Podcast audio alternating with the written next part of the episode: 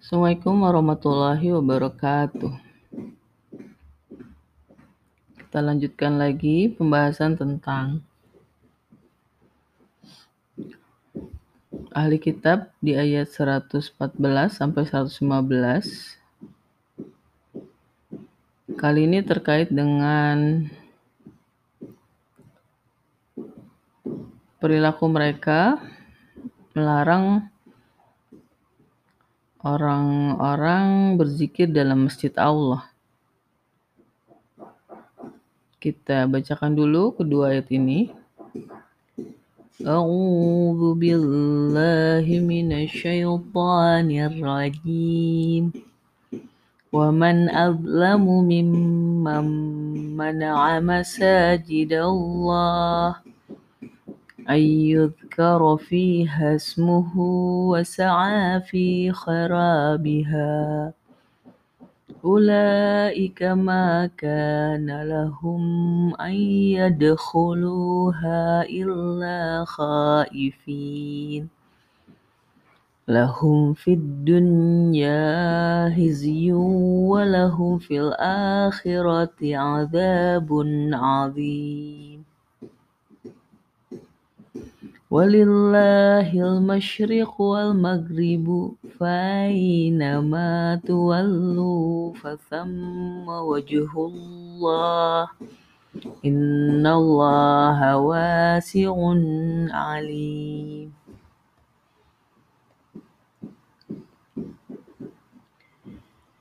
Apa yang dimaksud dari ayat 114 ini?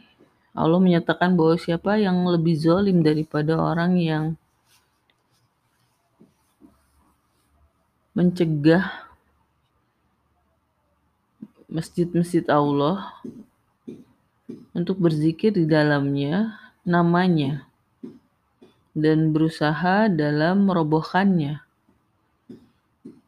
Mereka itulah tidak ada bagi mereka untuk memasukinya kecuali dalam ketakutan.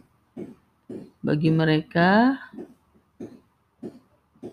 di dunia kehinaan dan bagi mereka dalam akhirat azab yang besar. Ada beberapa pendapat tentang ayat ini. Yang satu menyatakan tentang peristiwa penghancuran Baitul Maqdis oleh orang-orang Romawi atau Nasrani. Dan ada juga yang berpendapat bahwa ini masih berkaitan dengan ayat sebelumnya di 111 sampai 113 dan lebih lanjut lagi di ke belakangnya yaitu tentang ayat-ayat Allah yang diganti atau uh, dibuat lupa. Ada pendapat yang menyatakan bahwa ayat 106 surat Al-Baqarah itu merujuk kepada perubahan perubahan kiblat. Jadi termasuk di ayat 114 ini ketika Bani uh, Yahudi dan Nasrani menghalangi permasalahan pemindahan kiblat, maka mereka termasuk orang yang mencegah masjid Allah untuk berzikir di dalamnya dan bahkan berusaha untuk merobohkannya atau menghancurkannya. Jadi dua pendapat itu cukup berbeda. Tapi intinya sama bahwa para mufasir sepakat ini masih menyangkut tentang Yahudi dan Nasrani soal pelarangan um, berzikir di dalam masjid-masjid Allah. Allah menyatakan bahwa dan siapa yang lebih zalim daripada mereka itu.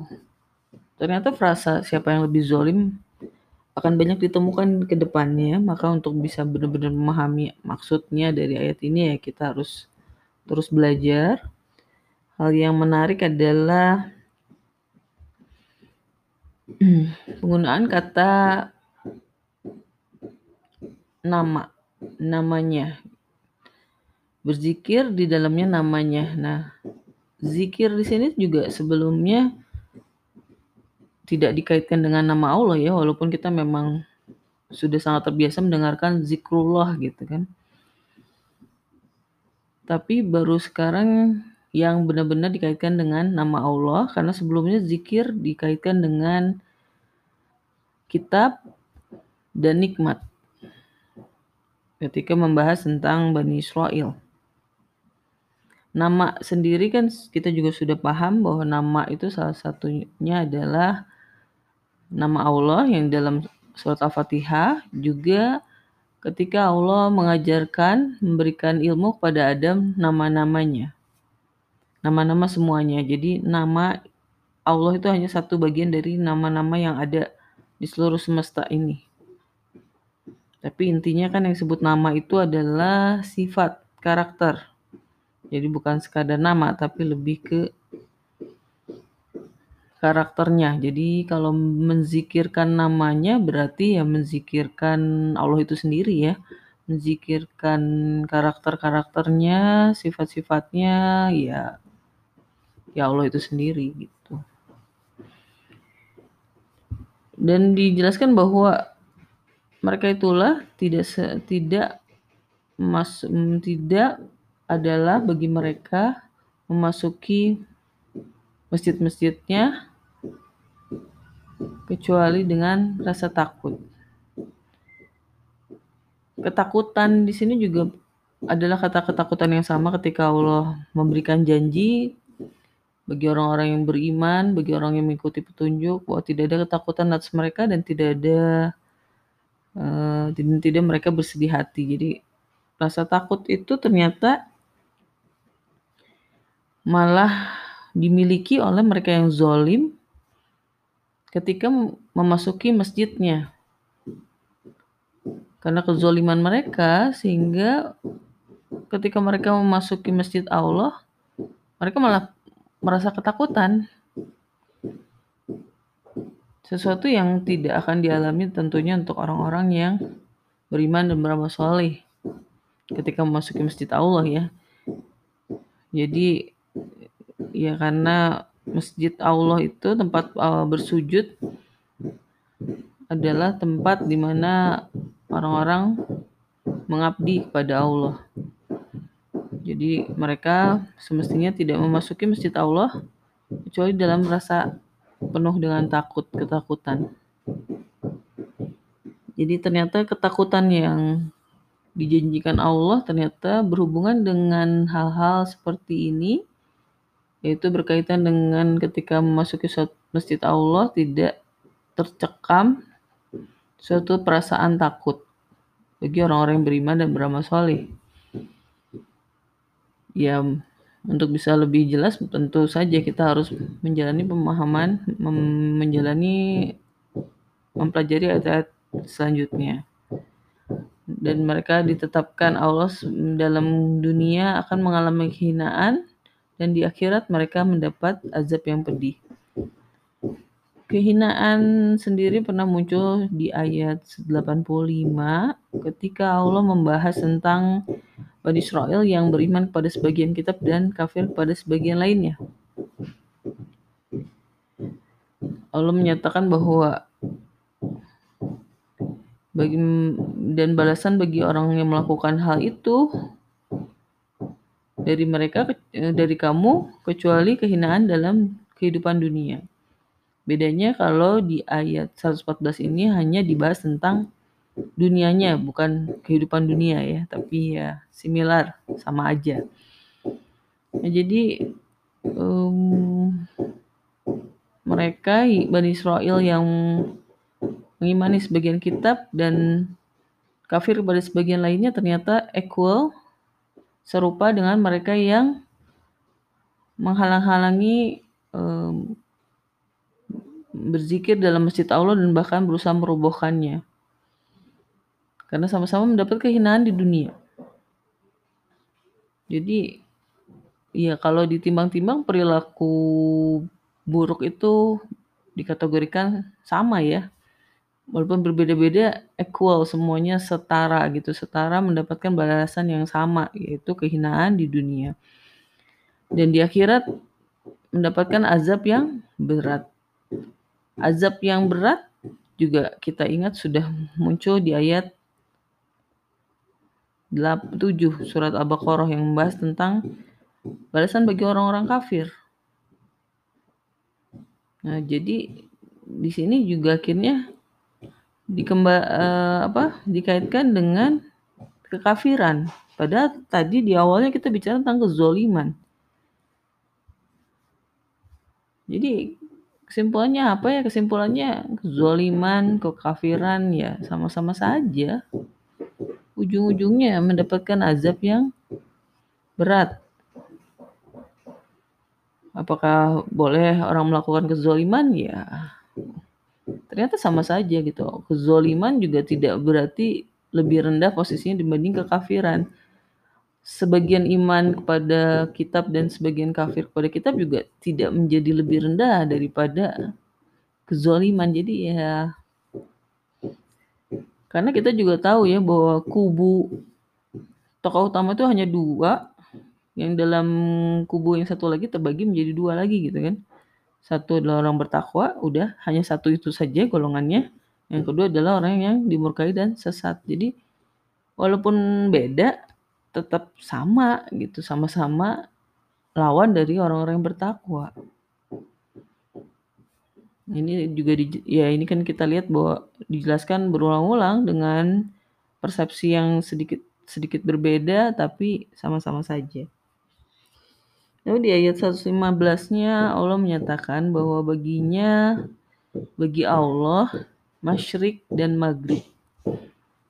Bagi Allah masyrik dan maghrib. Masyrik itu timur dan maghrib itu barat, tapi dalam arti kata yang maknanya Masyrik itu adalah berasal dari kata terang, terbit gitu ya.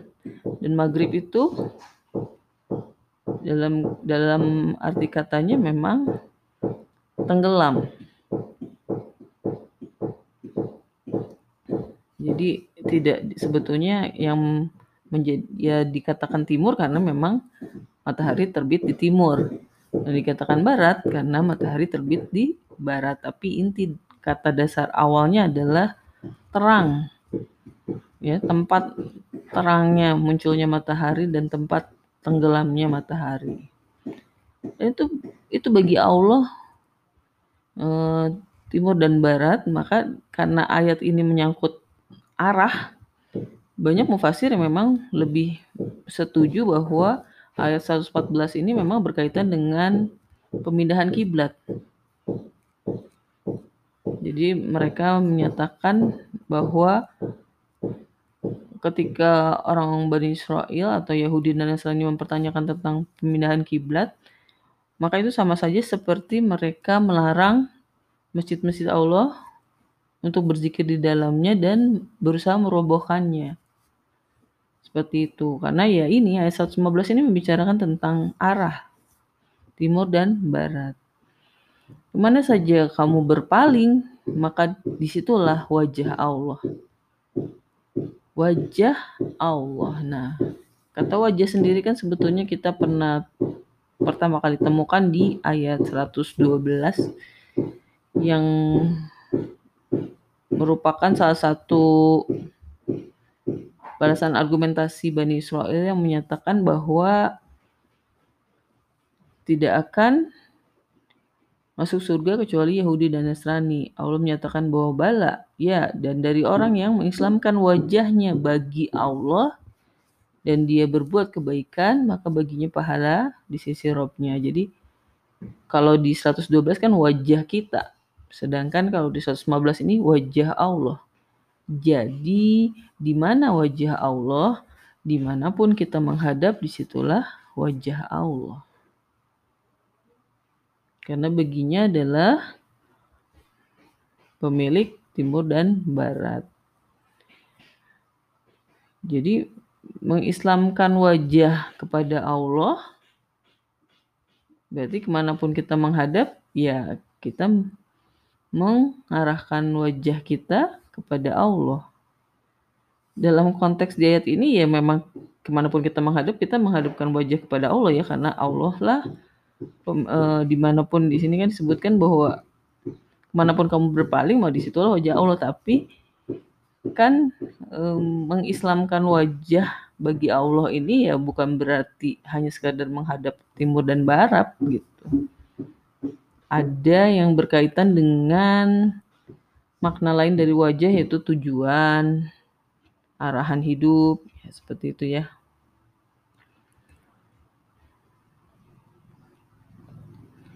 Nanti kita akan pelajari lagi dan Allah menegaskan bahwa dia yang paling mencakup luas dan paling mengilmui. Luas luas di sini luas ini di sini karena berkaitan arah ya. Timur dan barat, tapi intinya bukan hanya sekadar luas dalam konteks jarak tapi juga uh, dalam banyak hal. Kapasitas ya. Mencakup atau meliputi tapi beda lagi artinya dengan kata meliputi karena ada lagi nanti.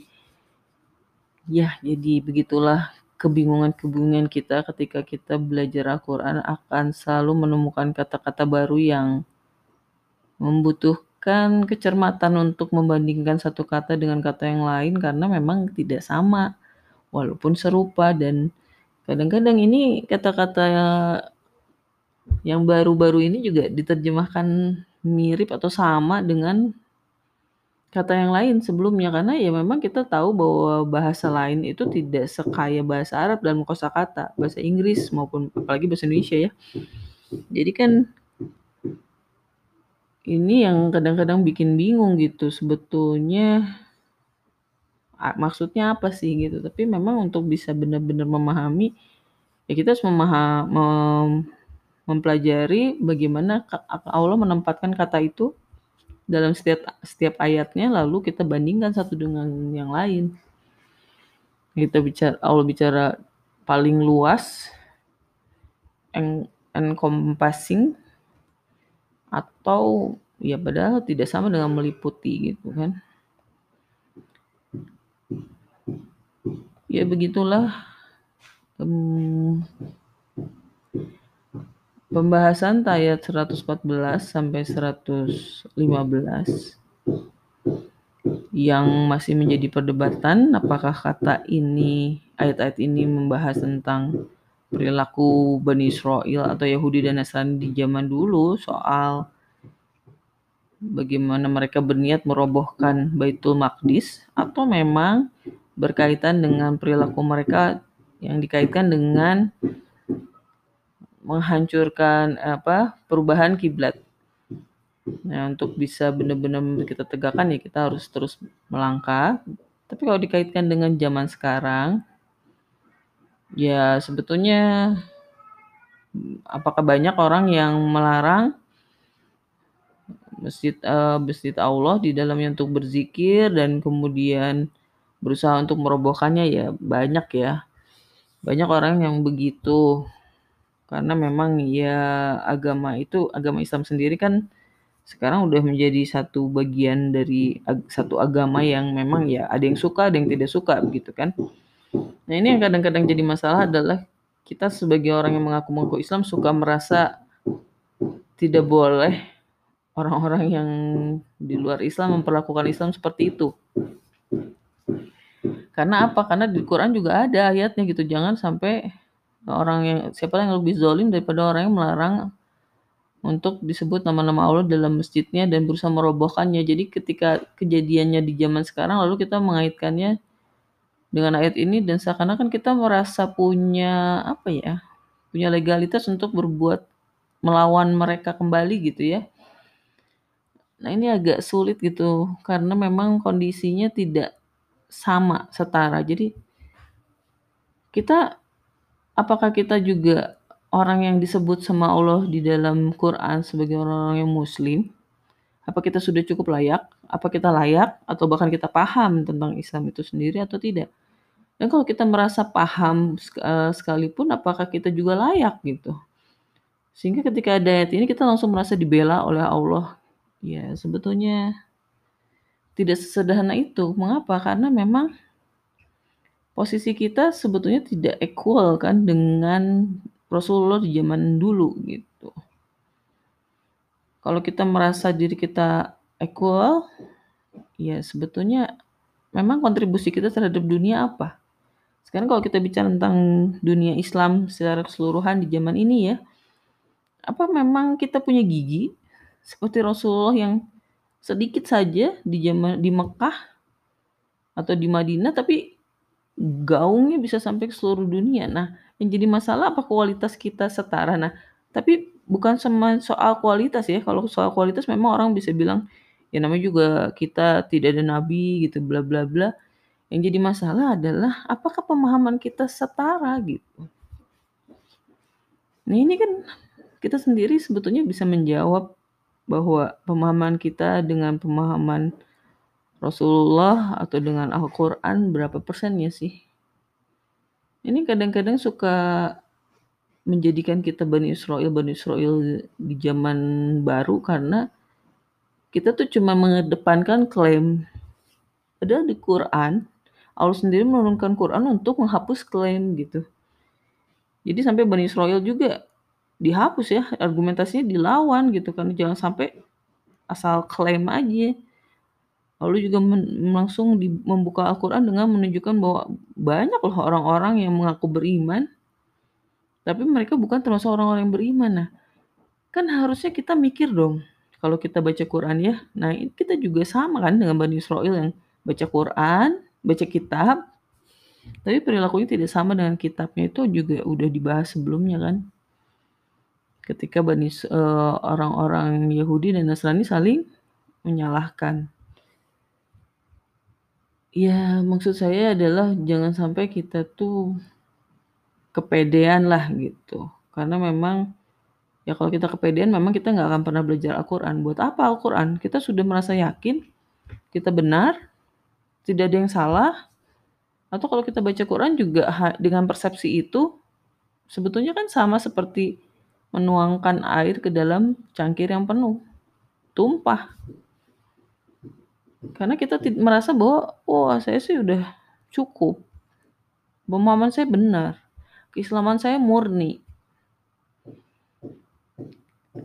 Ini kan yang terjadi di hampir seluruh umat Islam di seluruh dunia. Sejak kapan nih? Sejak dulu gitu. Kalau kita sekarang dalam kondisi yang terpuruk, Islam dalam kondisi yang terpuruk, lalu kita menyalahkan orang barat, menyalahkan kapitalisme, apa yang harus disalahkan ya sebetulnya ya jelas-jelas memang kita harus meluruskan orang-orang yang salah itu kan tujuan kita berislam itu adalah membenahi manusia, membenahi diri sendiri dan membenahi lingkungan sekitar manusia itu sendiri ya jelas mereka kan tidak memegang Al-Qur'an, mereka tidak memegang Islam, tidak berislam, masa mereka harus disalah-salahin ya? Yang disalahkan kan harusnya kita sendiri. Ya, kalau kita menuduh Yahudi, Nasrani atau ya misionaris, Zionis, konspirasi dan lain-lain, lah kita menuduh orang-orang yang memang kata Allah dikategorikan dimurkai dan disesatkan. Atau kita menuduh setan misalnya yang sudah jelas-jelas memang bakal masuk neraka. Iya itu sih namanya sama aja bohong gitu kan. Sebelum kita akhiri pembahasan ayat 114 sampai 115 kita bacakan ulang kedua ayat ini. A'udzu billahi minasyaitonir rajim ومن أظلم ممن منع مساجد الله أن يذكر فيها اسمه وسعى في خرابها. أولئك ما كان لهم أن يدخلوها إلا خائفين. لهم في الدنيا هزي walahum fil akhirati azabun azim. Walillahil masyriqu wal maghribu fa aynama tuwallu fathamma inna Allah wasi'un alim. Sadaqallahul azim. Assalamualaikum warahmatullahi wabarakatuh.